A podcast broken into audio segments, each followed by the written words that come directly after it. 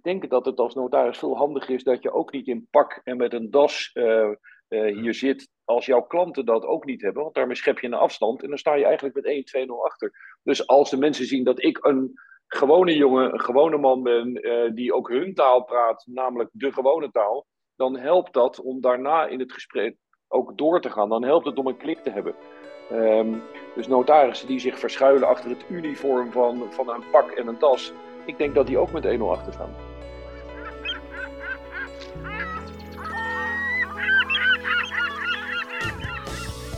Nou, Paula, we hebben een speciale gast vandaag. Uh, en dat is een echte notaris. Dat hebben we nog niet eerder gehad in de, in de podcast. En uh, uh, heb jij wel eens met een notaris te maken gehad? Dat kan bijna niet anders hè, in je volwassen leven. Ja, uiteraard. Hè, het testament laten opmaken en zo. En, oh, ja. ja. ik had een hele leuke, vlotte notaris. Ja, ja serieus. Ik heb een geweldig leuk gesprek met die man. Oké, dus jij begreep ook alles meteen? Nou, alles wat hij zei wel. En toen kreeg ik de stukken. Ik heb altijd met een notaris iets van dat ik dan weet dat het moet. Ik begrijp er helemaal niks van. Ik weet dat ik na afloop ergens een handtekening zet. En ik weet dat dan mijn hypotheek geregeld is. Of in het geval met een erfenis, daar heb ik dan een keer mee te maken gehad. Dat dat dan verder allemaal goed geregeld is. Maar ik vind dat heel ingewikkeld. Hè? Ik, heb een, uh, ik had mijn eigen hypotheek uh, laten oversluiten. Er zat een hele mooie brief bij. En die begon al. Dat vond ik trouwens heel goed. Geachte heer Van Noord. Hierbij bevestig ik de opdracht tot het opmaken van gemelde hypotheekakte. Graag ontvang ik van u een kopie van de akte van levering en een kopie van een geldig legitimatiebewijs. Vond ik trouwens heel goed, want daar ging die brief natuurlijk over, dat dat meteen mhm. begon. Maar die brief eindigt met op de dienstverlening door notariskantoor Huppeldepup zijn algemene voorwaarden van toepassing die ik u hierbij als bijlage doe toekomen.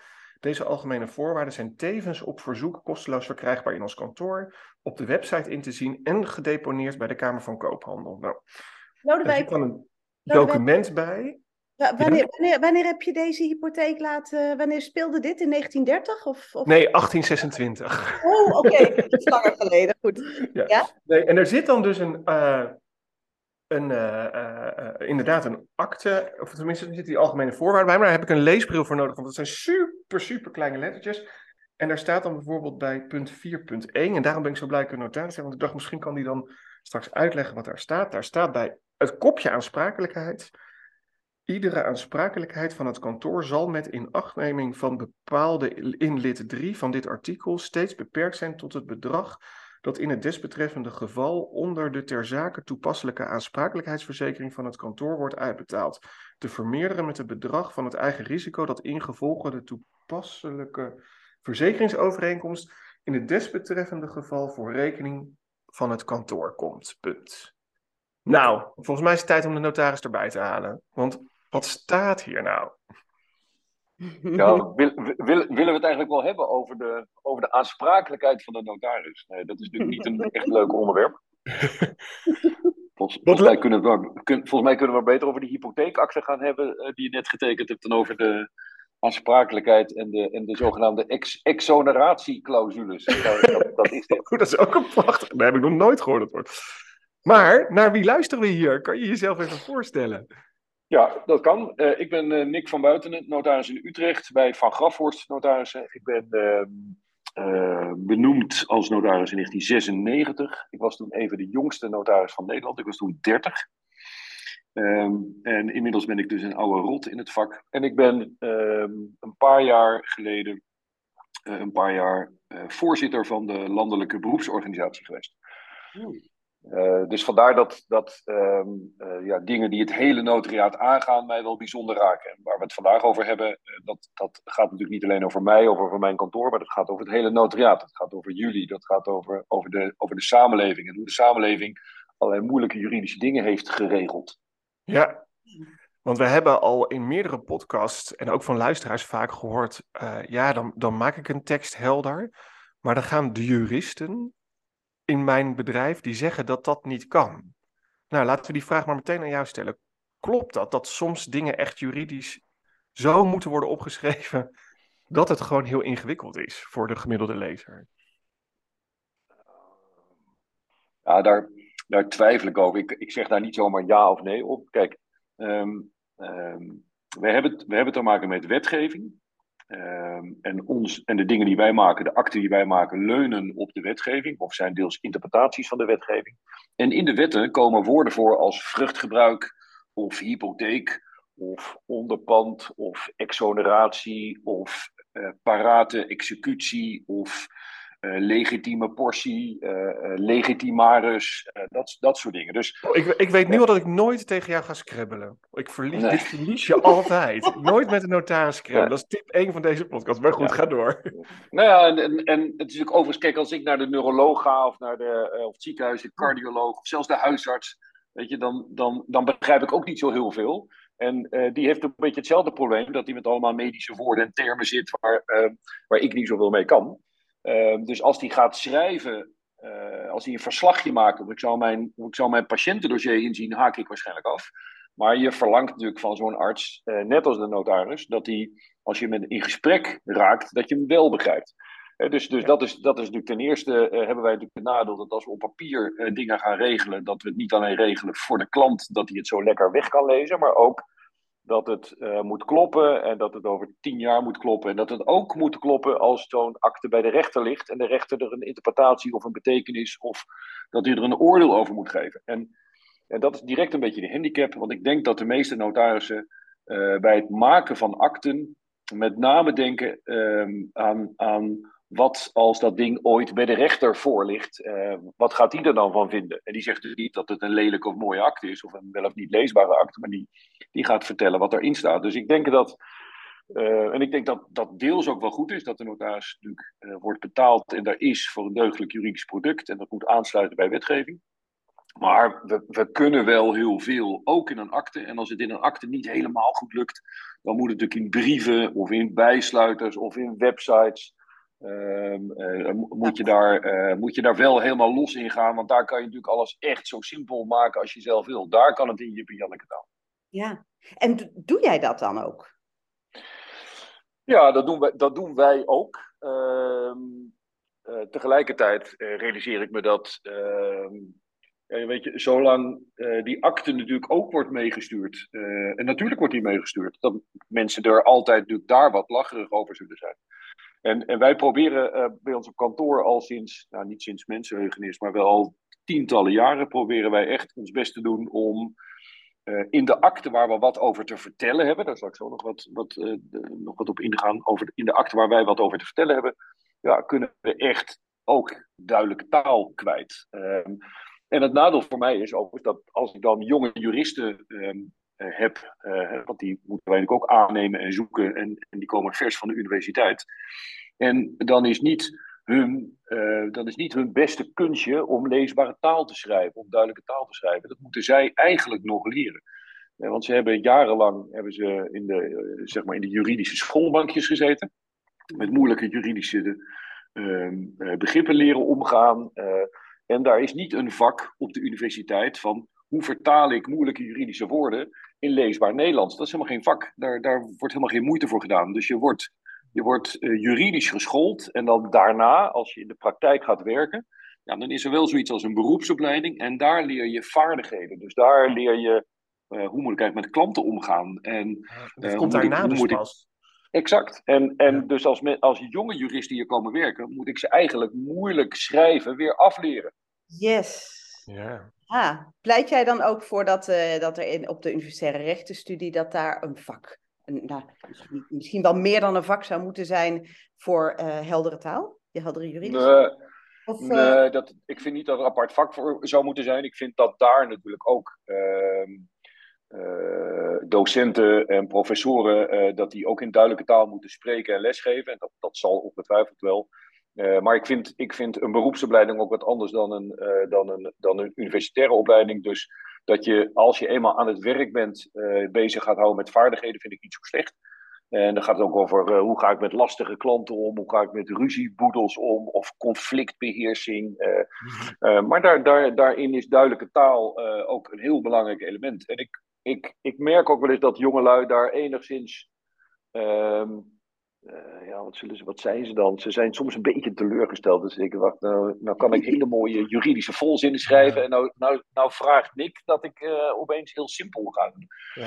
Maar ik, in, en, um, kijk, onze slogan van ons kantoor is en was jarenlang duidelijke taal. En die, en die stond in het begin een beetje voor duidelijke taal in de akte, maar die is later bij onze kantoor natuurlijk veel breder ingezet. Want duidelijke taal betekent ook dat, ik, ehm, dat mensen zich thuis voelen, dat ik, dat ik dat ik recht voor zijn raap uh, dingen kan zeggen. Dat klanten dat ook moeten kunnen. Dat ik duidelijk ben over de prijs die mensen betalen. Dat, dat ik daar eerlijk over communiceer. Dus het gaat veel meer over wat er in artikel 1 staat. maar duidelijke taal is een heel breed begrip. En, en je verwacht als klant. Verwacht je dat de notaris duidelijke taal spreekt, schrijft, ze uitstraalt. en dat hebben wij ook. En, en het is overigens zo dat.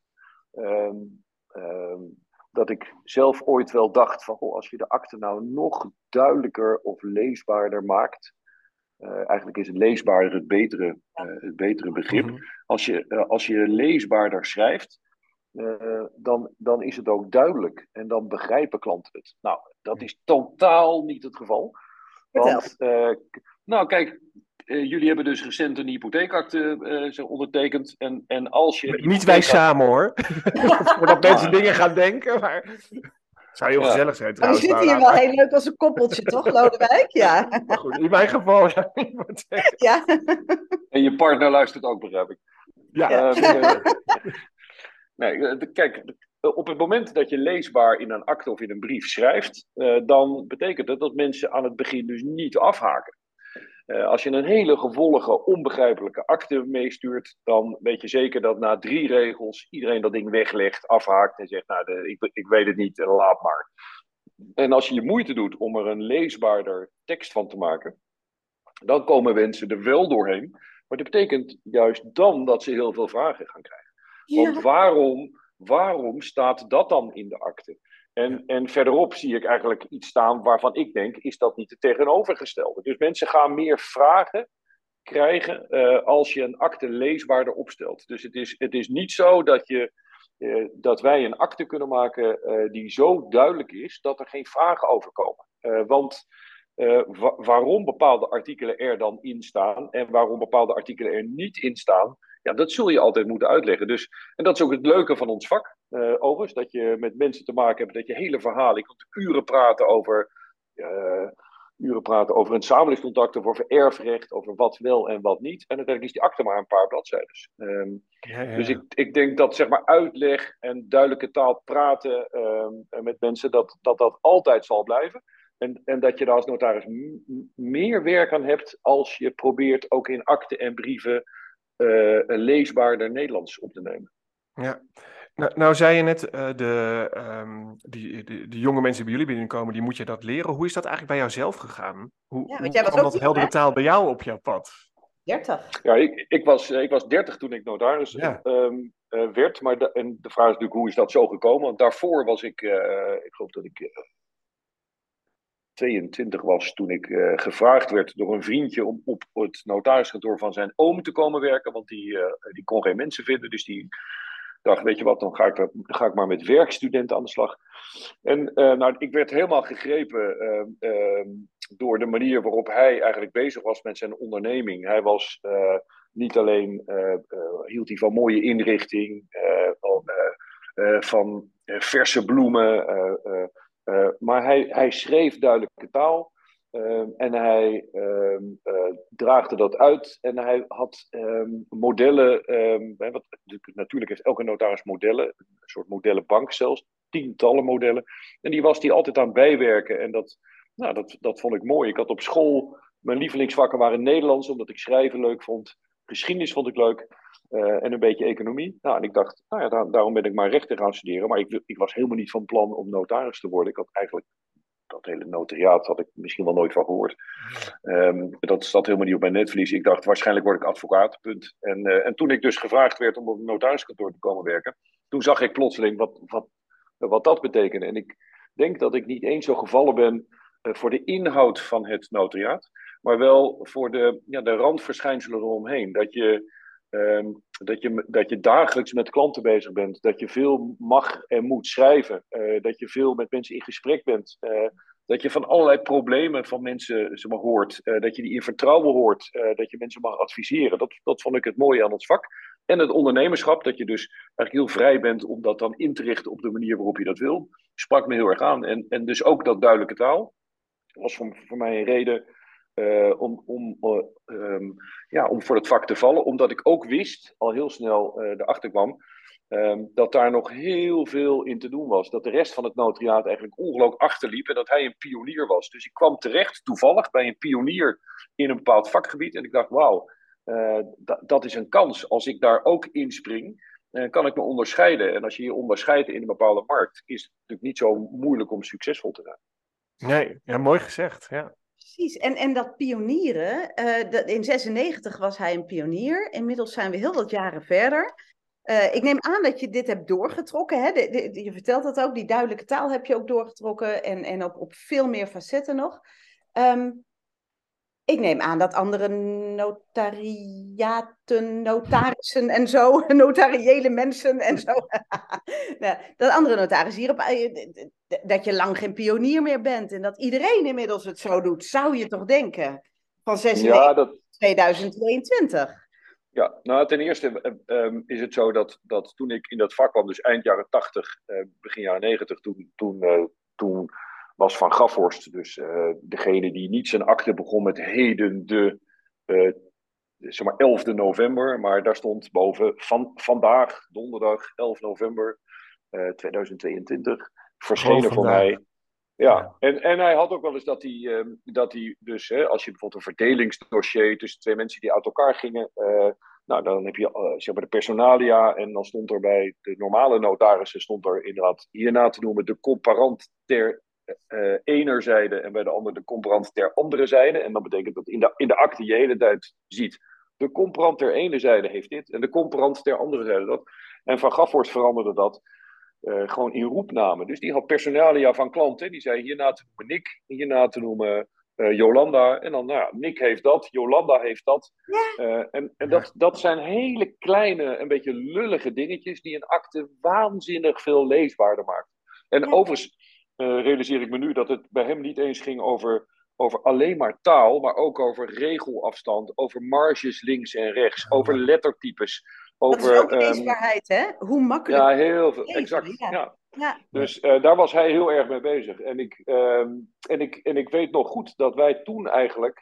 En dat merkte ik op zeg maar, vergaderingen van de beroepsorganisatie, dat wij een beetje het lachertje waren van de beroepsgroep of van hier in Utrecht. Dat, oh, ja, an, andere notarissen die, die zeiden een beetje, een beetje, zeg maar, een beetje lacherig. Uh, op van, oh ja, nee, jij werkt bij Van Gaffers. Oh, is dat dus kantoor wat dus de akte begint met vandaag?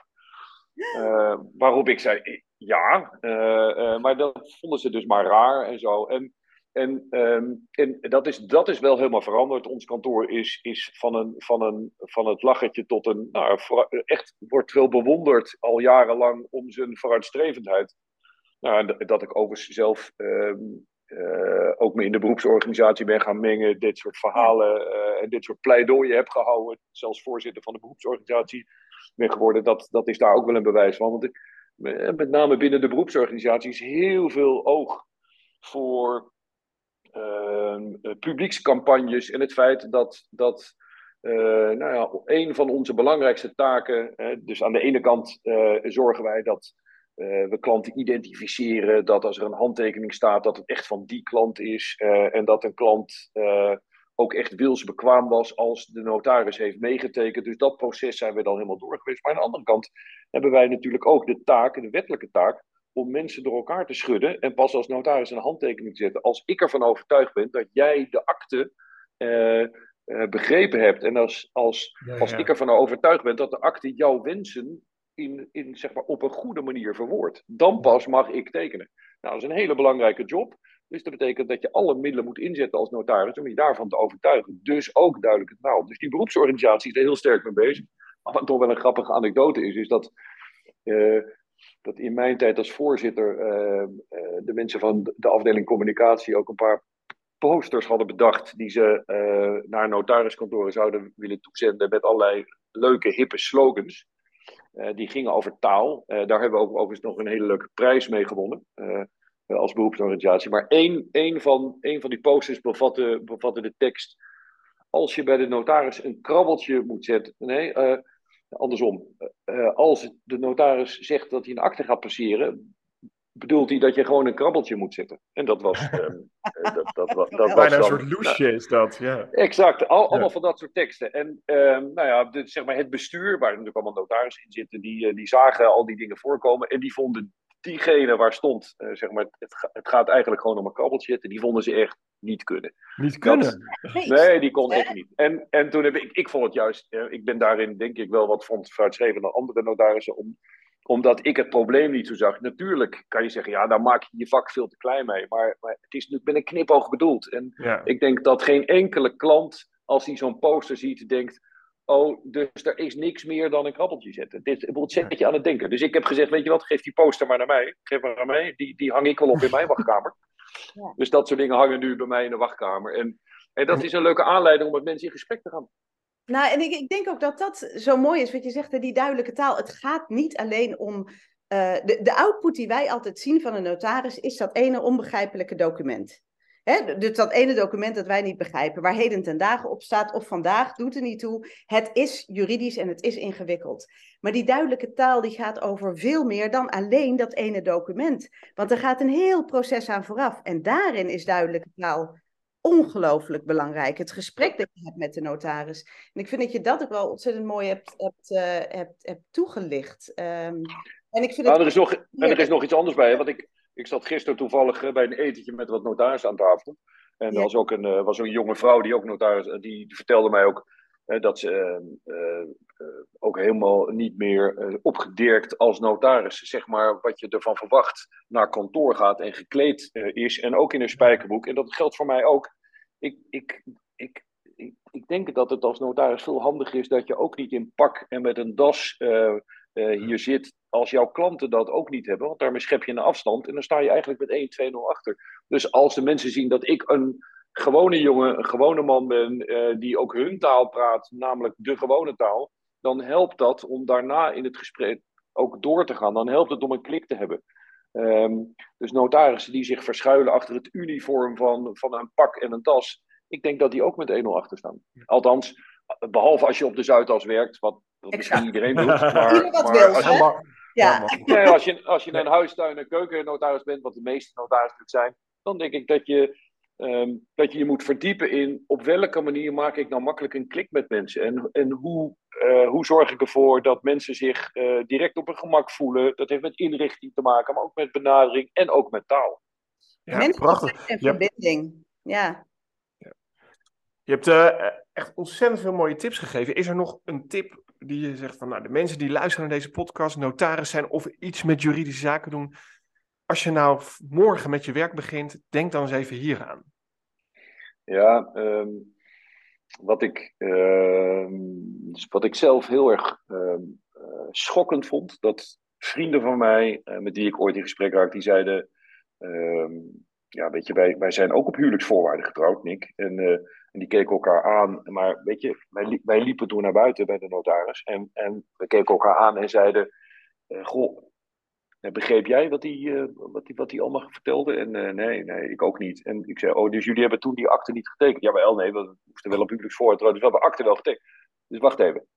Dit, dit, dit zijn mensen die dus, uh, die hebben ook nog eens gestudeerd, dat maakt misschien niet veel uit, maar waarvan je verwacht dat ze hun kop en hun hersens die ze hebben meegekregen gebruiken. Die gaan, die gaan dus naar een notaris en die gaan dus niet vragen stellen. En die gaan ook niet tegen de notaris zeggen, stop, stop, hou op. Je, je bent een verhaal aan Ik begrijp er geen zak van. En, en, dat is wat ik zou willen meegeven, ook aan luisteraars. Weet je, je moet van de notaris echt vragen dat hij duidelijke taal spreekt. En, en, als je de no en, en daar moet je misschien ook een notaris op selecteren, natuurlijk. Voor zover je dat kan. Maar dat betekent ook goed kijken naar website. Wat is een uitstraling? Wat is een klantbelofte? Als hij daar pretendeert dat te doen. En je gaat naar die notaris toe en je zit in een bespreking en je begrijpt er geen zak van. Dat betekent dat je moet inbreken. Dat moet zeggen: stop. Je moet nooit uh, maar een akte gaan tekenen omdat je denkt, nou het zal wel goed zijn. Dus het, het is jouw akte, er moeten jouw wensen in staan. Dus ik pleit erg voor een kritische consument die, yes. uh, die de notaris gewoon wakker schudt.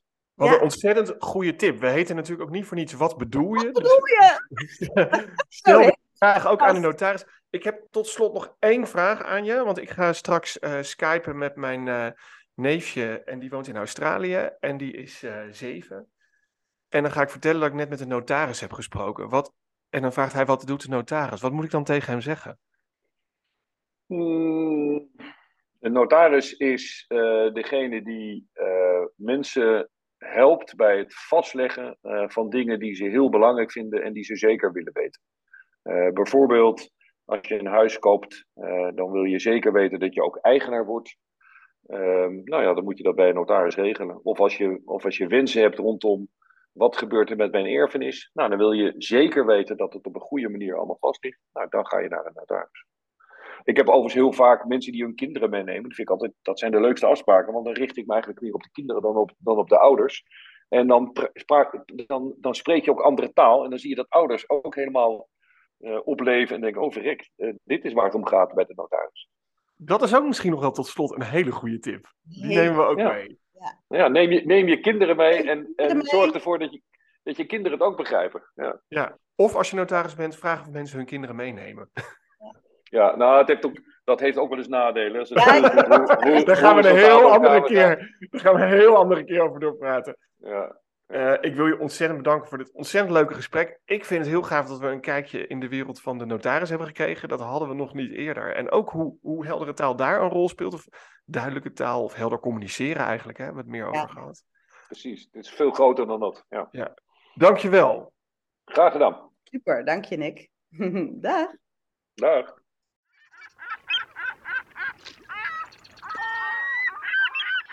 Zo, mag ik er weer bij, bij het gesprek? Waar was je, Sanne? Waar was je? nou ja, ik heb eigenlijk ademloos zitten luisteren. Ik vind het fascinerend eh, hoe zo'n, ehm, ja, toch tussen aanhalingstekens ouderwets beroep nu echt, echt hard aan de weg timmert om het toegankelijk te maken voor iedereen. En dat daar dus ook voorvechters in zijn. Ik ben gek op voorvechters. Eh, ik vond heel interessant eh, dat jullie het op een gegeven moment hadden over, eh, of dat hij, eh, dat Nick vertelde eigenlijk, van het is meer dan alleen taal. Hè, het is ook hoe je je zaak eh, aankleedt. Het is ook hoe je jezelf aankleedt om die afstand te verkleinen tussen klant en notaris. Dus dat vond ik super interessant. Van ja, Ja. hè, en dan denk ik aan instellingen waar je binnenloopt, of een ziekenhuis waar je binnenloopt, of een politiebureau. Ehm, ehm, het is meer dan taal alleen. Om iemand nou ja, welkom te heten en aangesloten te laten voelen. Eh, en ik zat ineens ook terug te denken, dat kwam, dat kwam op een ander moment in het gesprek voorbij. Ehm, als je niet snapt wat er gebeurt, waarom zet je dan je handtekening? En dat raakte bij mij iets gevoeligs. Ik ben jaren nieuwslezer geweest en ehm, ik heb altijd geweigerd om berichten voor te lezen die ik niet zelf snapte. En ik werkte op een economische redactie, dus ik eh, kreeg nog wel eens eh, het woord rentederivaten of zo voor mijn Oh ja. neus. En dan weigerde ik dat eh, te lezen, omdat ik alleen maar kon vertellen wat ik echt zelf ook begrijp. Want anders kan ik het niet goed presenteren. Dus het, en toen dacht ik, daar deed ik het dus wel. En hoe vaak heb ik inmiddels al mijn handtekening gezet onder iets waarvan ik eigenlijk alleen maar in grote lijnen weet wat er staat. Ja. Ik, ik vond dat wel een eye-opener. Waarom zou je tekenen als je het niet snapt? En waarom vraag je dan niet, leg het eens uit? Of zeg het, want iedereen, maar dat is natuurlijk met heel veel dingen. We hebben er al zoveel voorbij zien komen in onze podcastserie. Dat we gewoon maar voor lief nemen dat dat dan ingewikkeld is of zo. Ja, de overheid is nou eenmaal ingewikkeld. Ja, de notariswereld is nou eenmaal ingewikkeld. Ja, een hypotheek afsluiten is nou eenmaal ingewikkeld. Ja, algemene voorwaarden zijn nou eenmaal eh, niet Precies. te lezen. En, eh, ja, de bijsluiter van een medicijn hoef je nu eenmaal niet door te spitten, want je snapt toch niet wat er staat. Ja, Ja, we nemen dat inderdaad. doen, in zo'n wereld zijn we dus eh, terechtgekomen. Heftig, hè? Ja, En dan, en dan denk je dat het gaat over mensen die, die weet ik veel, op, op een of andere manier eh, een achterstand hebben opgelopen of zo. Maar het Ja. gaat gewoon over ons. Wat was, de, wat was de wereld nog fijn toen we helemaal geen papier hadden? Hè? Ja, nou, die notarissen zijn er al heel lang hoor. Dus, eh, maar inderdaad, over hoe het papier. Nou, ja, Zo had, je ook nog, zo had je ook nog geen pakken die afstand creëerden. Nou, nou, dat is niet waar, hè? Je had koningen en prinsen. En Ja, wij zouden ja. gewoon landarbeiders geweest zijn. Ik denk het ook. Maar, maar zwermen waren er wel al. Kijk, Kijk. En die, En die, gaan ook, die zijn ook nooit weg te krijgen. Die blijven altijd doorgaan. Dus eh, ook een volgende keer weer over een mooi onderwerp. Zo is het. En dan roepen wij er weer, nieuwe maken. wat bedoel je? Wat bedoel je? Nou, tot de volgende keer dan. Tot de volgende zwerm. Dag. Doei. Wat leuk dat je luisterde naar Wat bedoel je? Een podcast van De Zwerm. En De Zwerm, dat zijn jij en wij, Sanne Boswinkel, Paula van Gemen en Lodewijk van Noord. Heb je tips of vragen? Laat ze aan ons weten. Reageer via LinkedIn of gebruik WhatsApp op onze website watbedoeljepodcast.nl. Mailen kan natuurlijk ook en dat kan naar dezwermpodcast apenstaartje gmail.com. Vind je dit een interessante podcast? Abonneer je dan op de podcast om ook de volgende aflevering niet te missen. En laat vooral een review achter, zodat we beter vindbaar worden voor nieuwe luisteraars.